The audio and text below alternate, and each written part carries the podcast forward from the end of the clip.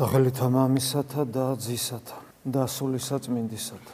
ჩვენ ვიცით ქრისტიანებმა რომ სულიერად სულით ცოცხლობთ, შეიძლება ასე ითქვას, თუ გამოვიყენოთ პავლე მოციქულის სიტყვებს დღევანდელ გალატელთა მიმართ ეპისტოლედან. ჩვენ ზეცის მოქალაქეები ვართ და ცხოვრობთ არა ხორცილად, არამედ სულით. ეს რა თქმა უნდა იდეალურ შემთხვევაში, მაგრამ ჩვენ ამ იდეალისაკენ მივისწრაფით. და რა თქმა უნდა, ეს ერთგვარი განსაკუთრებული მდგომარეობა ზეცის მოქალაქეობისა, რასაც სულში ცხოვრება ქვია, საფრთხო მადლში ცხოვრება ქვია, საფრთხო ენერგიაში ცხოვრება ქვია, მარადისობის ზეცის მოქალაქეობით ცხოვრება ქვია, ეს რა თქმა უნდა ქრისტეს სადმრწმენით მოგვეცა და იმით თუ ჩვენ ვართ ტაზარი ღვთისა და ჩვენში მკვიდრობს უფალი ჩვენი იესო ქრისტე.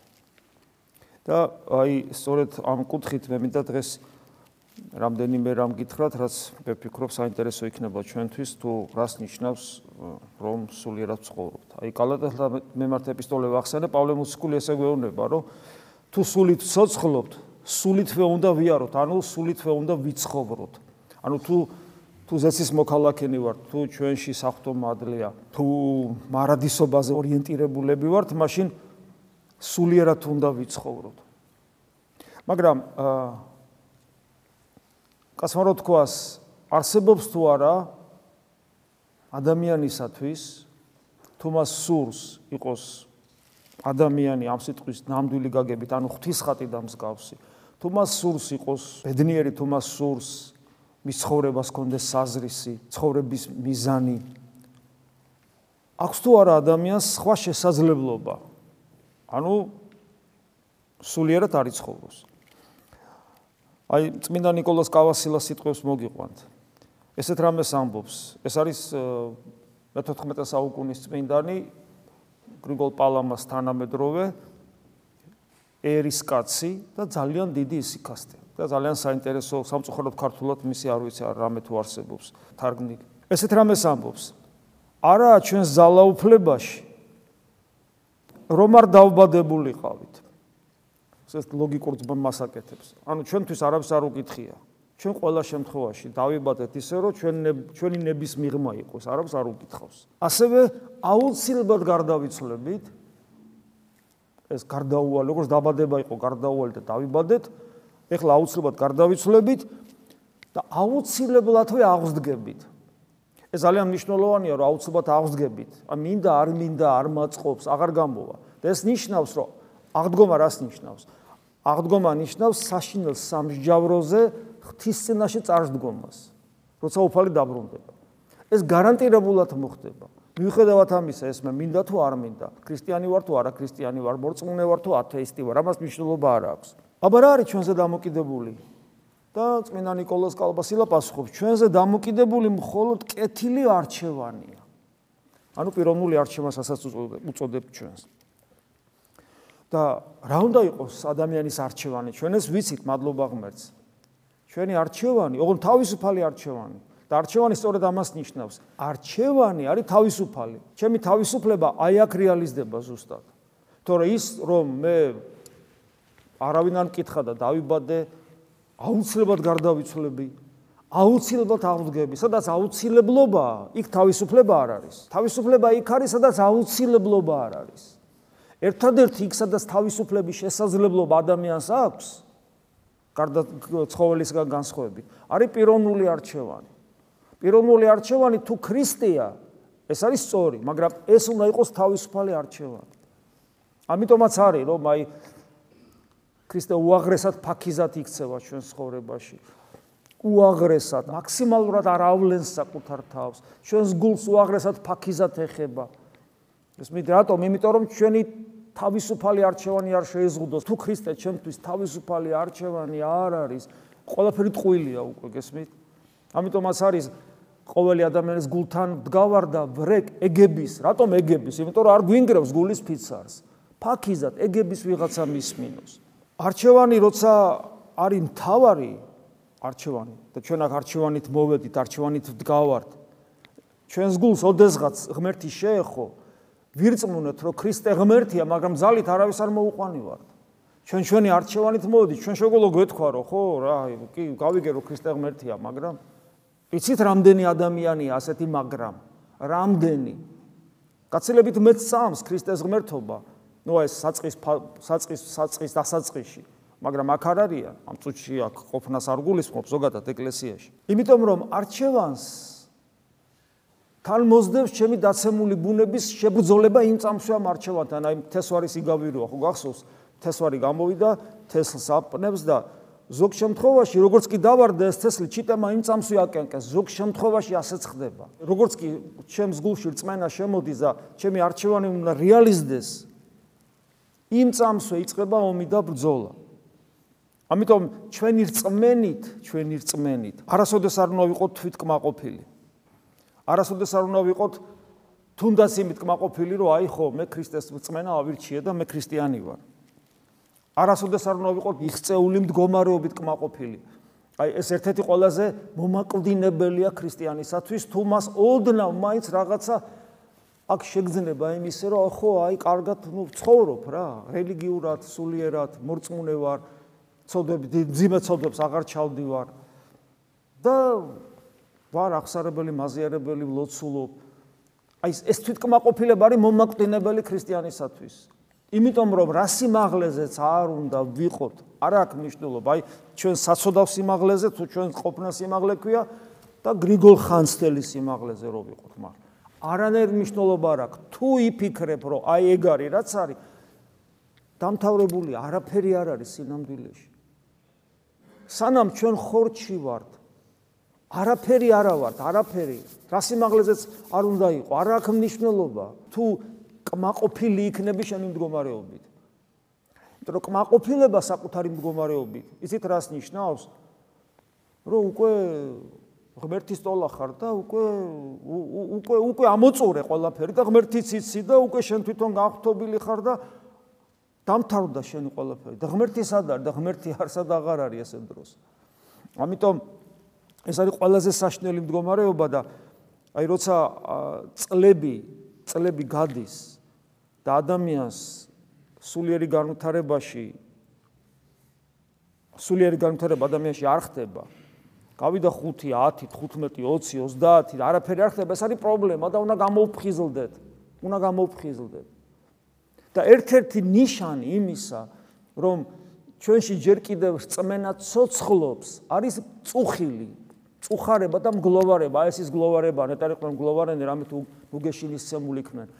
გვაწუხებს თუ მაინც ეს გადარჩენის შესაძლებლობა და თუ არც მაწუხებს პრობლემა იქ არის და მე ამას იმიტომ ვამბობ რომ მრავალ ჩვენგანს აწუხებს ვერ ვითარდებით მაგრამ გვაწუხებს და აქ არის სიцоცხლე გადარჩენის შესაძლებლობა იმიტომ რომ სამწუხაროდ სამწუხაროდ და სამწუხაროდ ჩემ სამგდელო პრაქტიკაში მინახავს ბევრი ადამიანი რომელსაც აღარ აწუხებს რო არ ვითარდება. აი არ აწუხებს და მურჩა რა.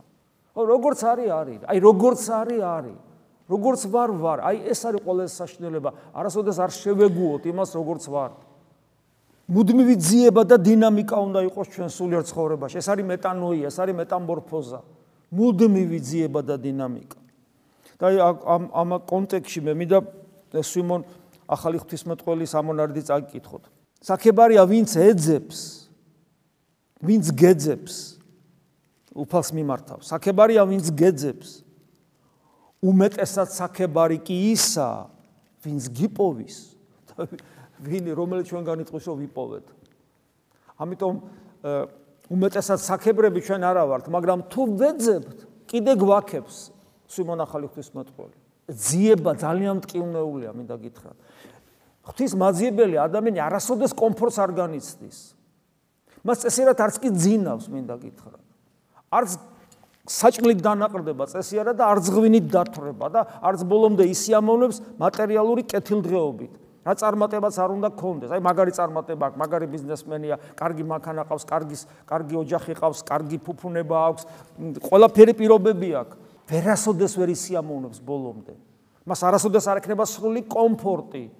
იმიტომ რომ ის მთავარს ეძებს, რომელიც ჯერ ვერ იპოვა. მაგრამ მადლობა ღმერთს თუ ეძებს, საქებარია ვინც საქებარია ვინც გეძებს.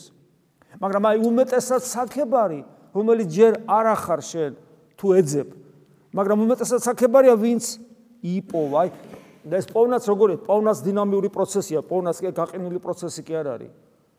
თქვათ, ხო, აი პოვნაც დინამიურია. გრიგო ხანსელი ხო რაც მეტად რო მეტად რო იპოვი და კიდე მეტი რო გინდა. რო ვერ გაძღები ღმერთის სიყვარულით.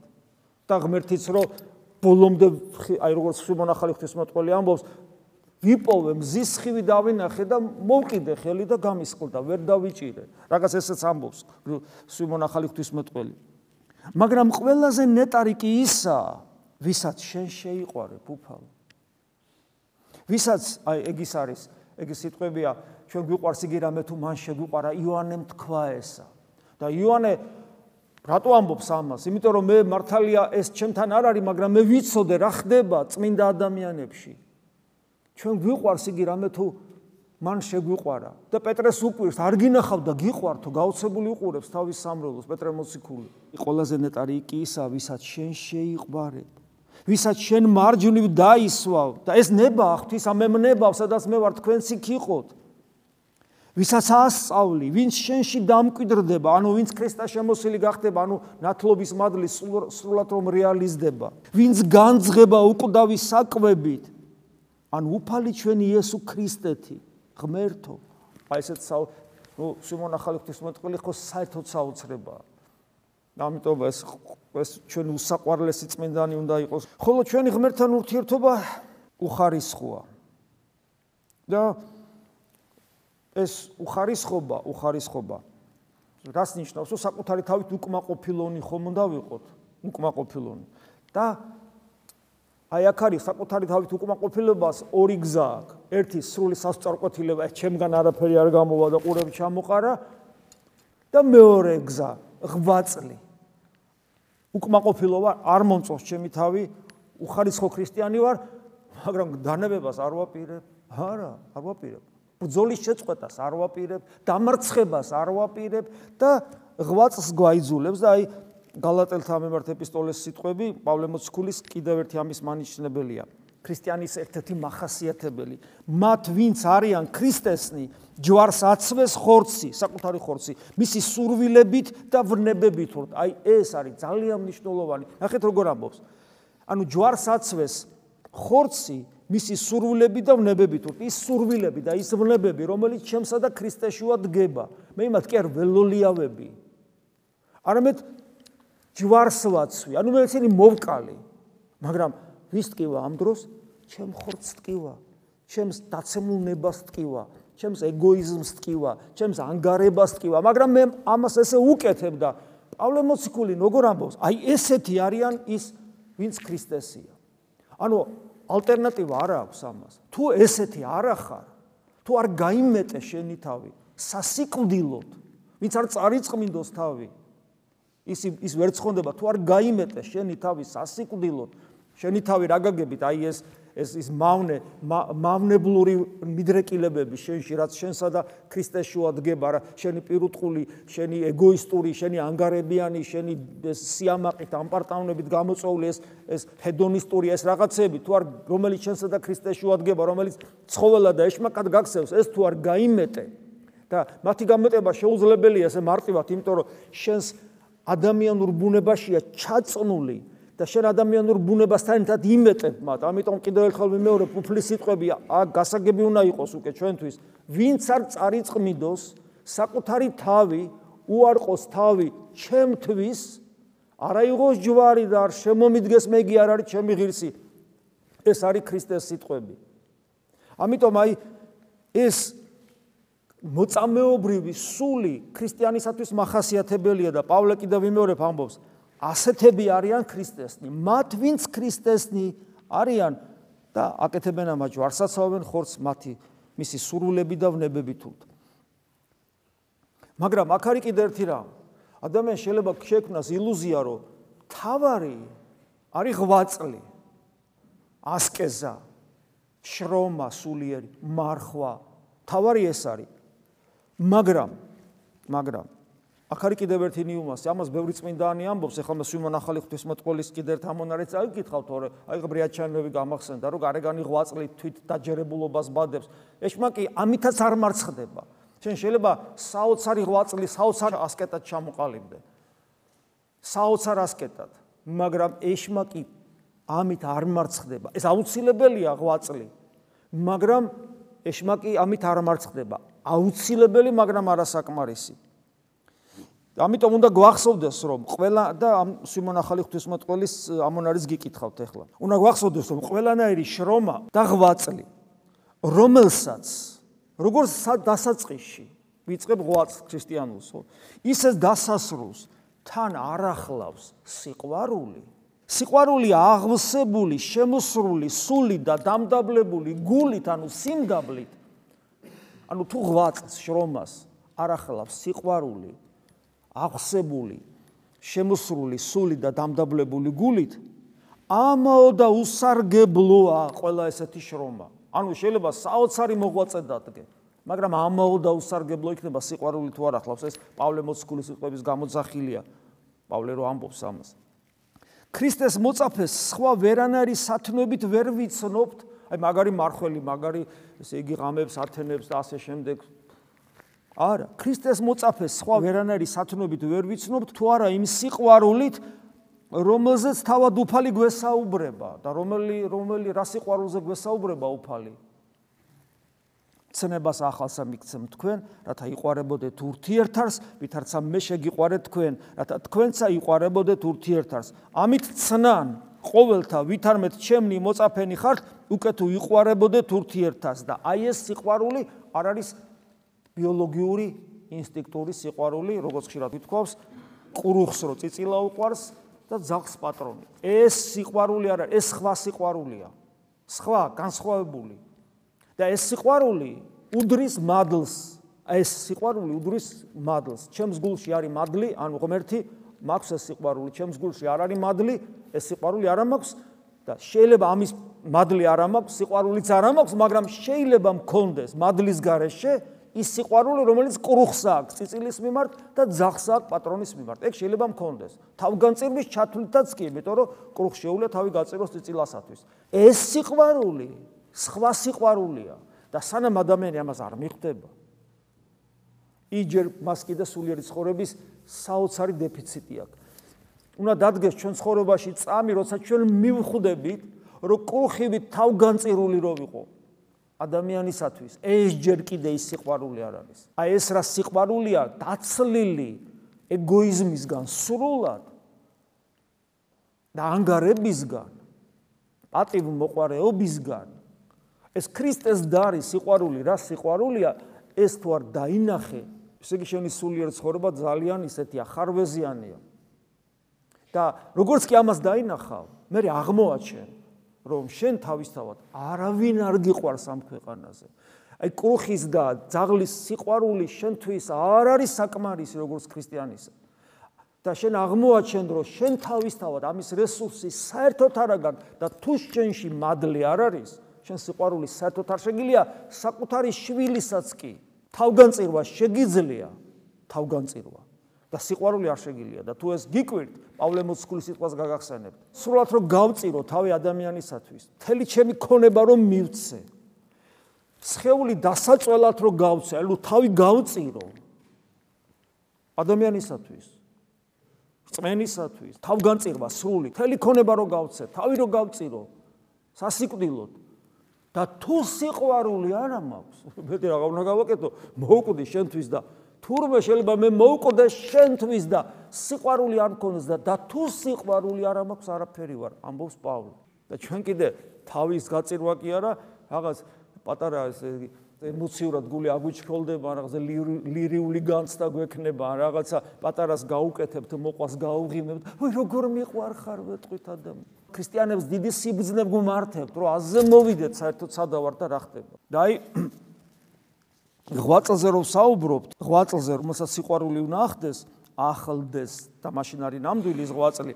ღვაწლთან დაკავშირებით სახარებისოლად რამდენი რამეს რამდენი რამეს გეტყვით, აი ღვაწლი საერთოდ ღვაწლი, შრომა, რომელიც ძიმ ძიმია ადამიანისათვის, ხო? ახლა მარხვაცნელია და საერთოდ ღვაწლი ნიშნავს ბძოლას. ძველი ქართული სიტყვა და ბრძოლას ნიშნავს. ბრძოლა ყოველთვის რთულია. ბრძოლა ტყივილს უკავშირდება, ჭირს უკავშირდება, კომფორტის ზონიდან გამოსვლას უკავშირდება, მაგრამ აქ არის ერთი ნიუანსი, ღვაწლი შობს ერთ ძალიან მნიშვნელოვან სათნოებას. ეს არის მოთმინება. რომელთა მიმართ ეპისტოლე პავლე მოციქულის ნახეთ როგორ ამბობს, რამე თუ ჭირი მოთმინებასა შეიქმს. ჭირი ამ შემთხვევაში ღვაწლისგან გამომდინარე ტკივილი. მოთმინებას შობს, მოთმინებას შეიქმს. მაგრამ მოთმინება, მოთმინება ძალიან მნიშვნელოვანია, იმიტომ რომ მოთმინება მოთმინებით აღვასრულებთ ღვთის ნებას. ისევ პავლე მოციქული ებრაელთა მიმართ ეპისტოლედან ნახეთ როგორ ამბობს მოთმინება გიხს თქვენ რათა ნება ღვთისა იყოთ მოთმინება გჭირდება თქვენ რომ აღასრულოთ ღვთის ნება. მოთმინება უაღრესად საჭირო სათნოება ამიტომ ღვაწლის ერთ-ერთი დანიშნულება არის ის რომ ჩვენ მოთმინება მოვიპოვოთ რომელთაც ღვთის ნებას აღვასრულებთ და სხვათა შორის ერთ-ერთი ყველაზე მნიშვნელოვანი რითაც ჩვენ მოთმინებით ღვაწლს გვასწავლის ეს არის გონებისმიერი ლოცვა გონებისმიერ ლოცვა, იესოს ლოცვა, როდეს ისიქასტური პრაქტიკა. ეს გასწავლის მოთმინებით ღვაწლს. და ღვთისნებასაც აღასრულებიდებს, იმიტომ რომ ღვთისნება მას მოუხმობდეთ მუდამ. ღვთისნება გულში მასთან შეხვედრა, გულში ქრისტესთან შეხვედრა არის ღვთისნება. ერთ-ერთი ნება, ბევრი ნება არის გამოვლინებული წმინდა წერილში, ერთ-ერთი ნება ამაში ვლინდება, ზუსტად რომ ღმერთი რომელიც დროისა და სივრცის მიღმა, ამიტომ დროსა და სივრცეში მას როგორც პატარა ოთახში ვერ იპოვი. ღმერთს ისე თელ მეგაკოსმოსში ვერ იპოვი, იმიტომ რომ პრინციპული განსხვავება პატარა ოთახსა და მეგაკოსმოს შორის არ არის სივრცეა ესეც, სივრცეა ისიც, უბრალოდ დიდი მასშტაბებით არის. მაგრამ სივრცეში და დროში ღმერთი არ მოიძებნება, იმიტომ რომ ღმერთი დროისა და სივრცის მიღმა, ამიტომ ღმერთის ხილვა შეუძლებელია, მაგრამ შესაძლებელია მასთან პიროვნული შეხვედრა. და პიროვნული შეხვედრის ადგილი ღმერთმა თვითონ დააწესა ესე ჩვენი შინაგანი სამყაროა ანუ გულია. ამიტომ ღმერთის შეხვედრა საკუთარ გულში არის ღვთისნება და ისიქასტური პრაქტიკა ანუ გონებისმიერი ლოცვა სწორედ ამის საშუალებას გვაძლევს. გონებისმიერი ლოცვა რომელიც მოთმინებით აღესრულება ძალიან ძიმე შრომით და მოთმინებით, იმიტომ რომ ეს ძალიან რთულია. ამავე დროს არის ღვთისნების აღსრულებას, იმიტომ რომ ღმერთს ვეძებთ იქ სადაც მან მიგვანიშნა. და საერთოდ და რატომ არის რთული, რატომ არის ღვაწლი, რატომ გვჭირდება მოთმინება? იმიტომ რომ გული ანუ ჩვენი შინაგანი სამყარო ჩვენს პიროვნულ გადაწყვეტილებას, რომელიც მიღებული გვაქვს, ვიყოთ ქრისტესთან, აი ამ პიროვნულ გადაწყვეტილებას ჩვენი გული არ ემორჩილება. სწორედ ეს გვაიძულებს მოთმინებით ღვაწლს. გადასარჩენად, აი ლუკას სახარებაში გახსოვთ ეს სიტყვებია მოთმინებითა თქვენითა მოიპოვეთ სულნი თქვენი. მოთმინებით აცხონებს საკუთარ თავს. ამიტომ ხშირად მეკითხებიან ხოლმე, რომ ამა ლოცულობ, ლოცულობ, ლოცულობ და არანერი გული არის მკვდარი თითქოს და არანერი განცდა. ოდესღაც რაღაცა იყო თითქოს დასაწყისში, აი ეს ან ეკლესიაში რომ მოვედი, ან იესოს ლოცვა რო დავიწყე და რაღაცა რაღაცა მქონდა სიხარული ღმერთის შეხება თითქოს რაღაცა და გაქ რა არაფერი არ არის და ლოცულობ ლო გავიდა რამდენი ხანი და ზოგჯერ წლებიც კი შეიძლება და ვერაფერს ვერ ავგზნობ და ანუ გონიათ რომ ეს ეს არა სუდია რომ ვერ ავგზნობ რა თქმა უნდა მაგრამ მაგრამ მაგრამ ეს არის ნიშანი იმისა ნიშანი იმისა რომ მე კი მინდა უფალო შენთან ყოფნა ვიცი შეხვედრის ადგილიც მაგრამ ჩემი გული არ მემორჩილება. და აი რომ არ გემორჩილება გული მაგრამ შენ რომ ისი რო ღვთისნება შენს გულში მასთან შეხვედრა და რო აიძულებ შენ თავს კიდევ ვიმეორებ შეიძლება წლები კი არა მთელი ცხოვრება ეძებო შიგნით შენ შიგნით იესო იესო ეძებო ეძებო ეძებო. და ამას ძალიან დიდი მოთმინება ჭირდება იმიტომ რომ გული როცა გემორჩილება და როცა გული იხსნება ქრისტესათვის ისეთ სიხარულს და ბედნიერებას განიჭებს თუ გქონია ამის რაღაც ოდნავი გამონათებები ცხოვრებაში რამდენჯერმე ეს გამოცდილება თუ გაგეს რამხელა ბედნიერებაა და როცა ეს არ არის ძალიან ტანჯველი ხდება, აბა დიდი ხნის განმავლობაში ზიხარ სიბნელეში და ნულოვანი განცდა ბედნიერების არსაც ღმერთთან ყოფობა ქვია, მაგრამ მოთმინება, რომელსაც შენ ამ დროს ავლენ და იჩენ, ეს მოთმინება არის გადამრჩენელი, მაცხოვნებელი. უფალი ამბობს, მოთმინებითა თქვენითა მოიპოვეთ სულნი თქვენი, მოთმინებით ღვთისნებას აღასრულებ. ამიტომ ეს ღვაწლის ეს სახე ეს გონების მიერ ლოცვა არის უმნიშვნელოვანესი. და აი იმით რომ ჩვენ ხედავთ რომ გული როგორ არ გვემორჩილება ძალიან მნიშვნელოვან დასკვნას ვაკეთებთ. ჩვენი გული ქრისტეს უარმყოფელია. ეს არის ძალიან მნიშვნელოვანი რომ გვახსოვდეს ეუფალის ახარებაში როა რომ ადამიანის გულიდან გამოდის ყველა ის უბედურება რაც კი სამყაროში ხდება არის გამოსული ჩვენი გულიდან. იმიტომ რომ ჩვენი გული როგორც ადამიანის მემკვიდრე არის ქრისტეს უარყოფელი. ჩვენი ჩვენი აი აქ რო დგავართ თუნდაც. სხვაგვარად რომ იყოს ანუ ქრისტეს უარყოფელი რო არ იყოს ჩვენი გული სხვაგვარად რო იყოს.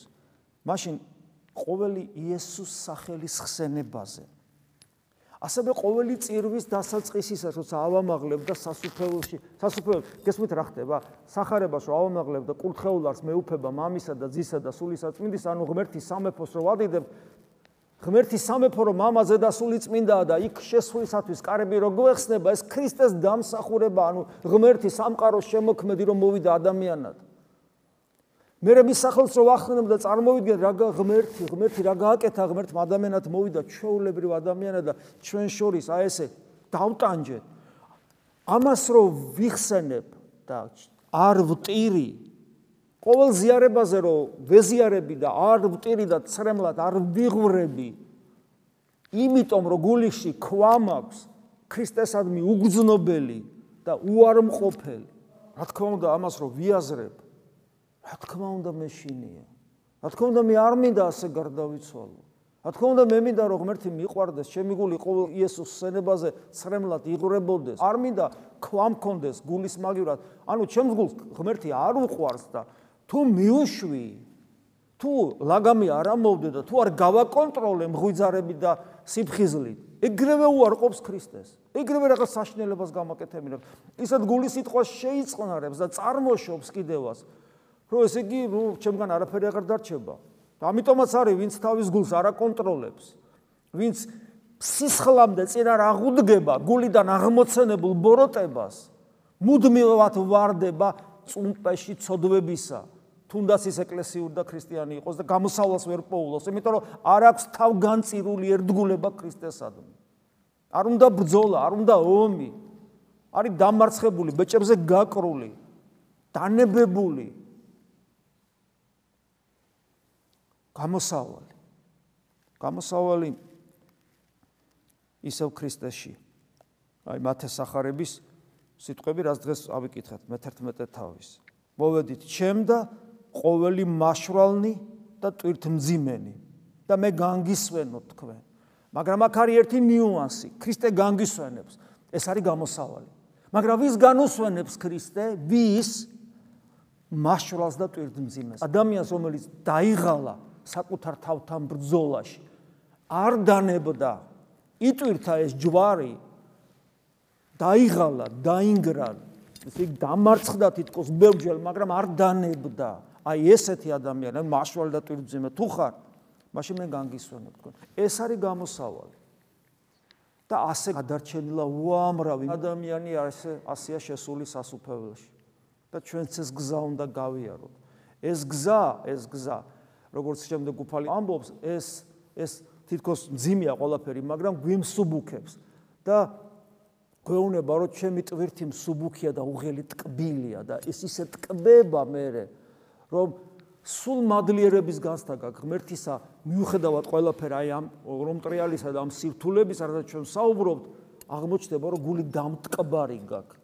იმიტომ რომ ღმერთი შენთან არის და მთელი მადლიერებით ახსავსე ხარ და გიხარია რომ ღმერთმა მოგსა სიცოცხლეს, ღმერთმა მოგსა რწმენაც და ღმერთი გაძლევს პერსპექტივას ღმერთის შვილობისა და ქრისტეში მარადიული სიცოცხლისა. ამინ. მადლიუფლისა ჩვენისა იესო ქრისტეს და სიყვარული ღმრთისა და მამისა და ზიარება სულისა წმინდისა იყოს თქვენ ყოველთა თანა. ამინ.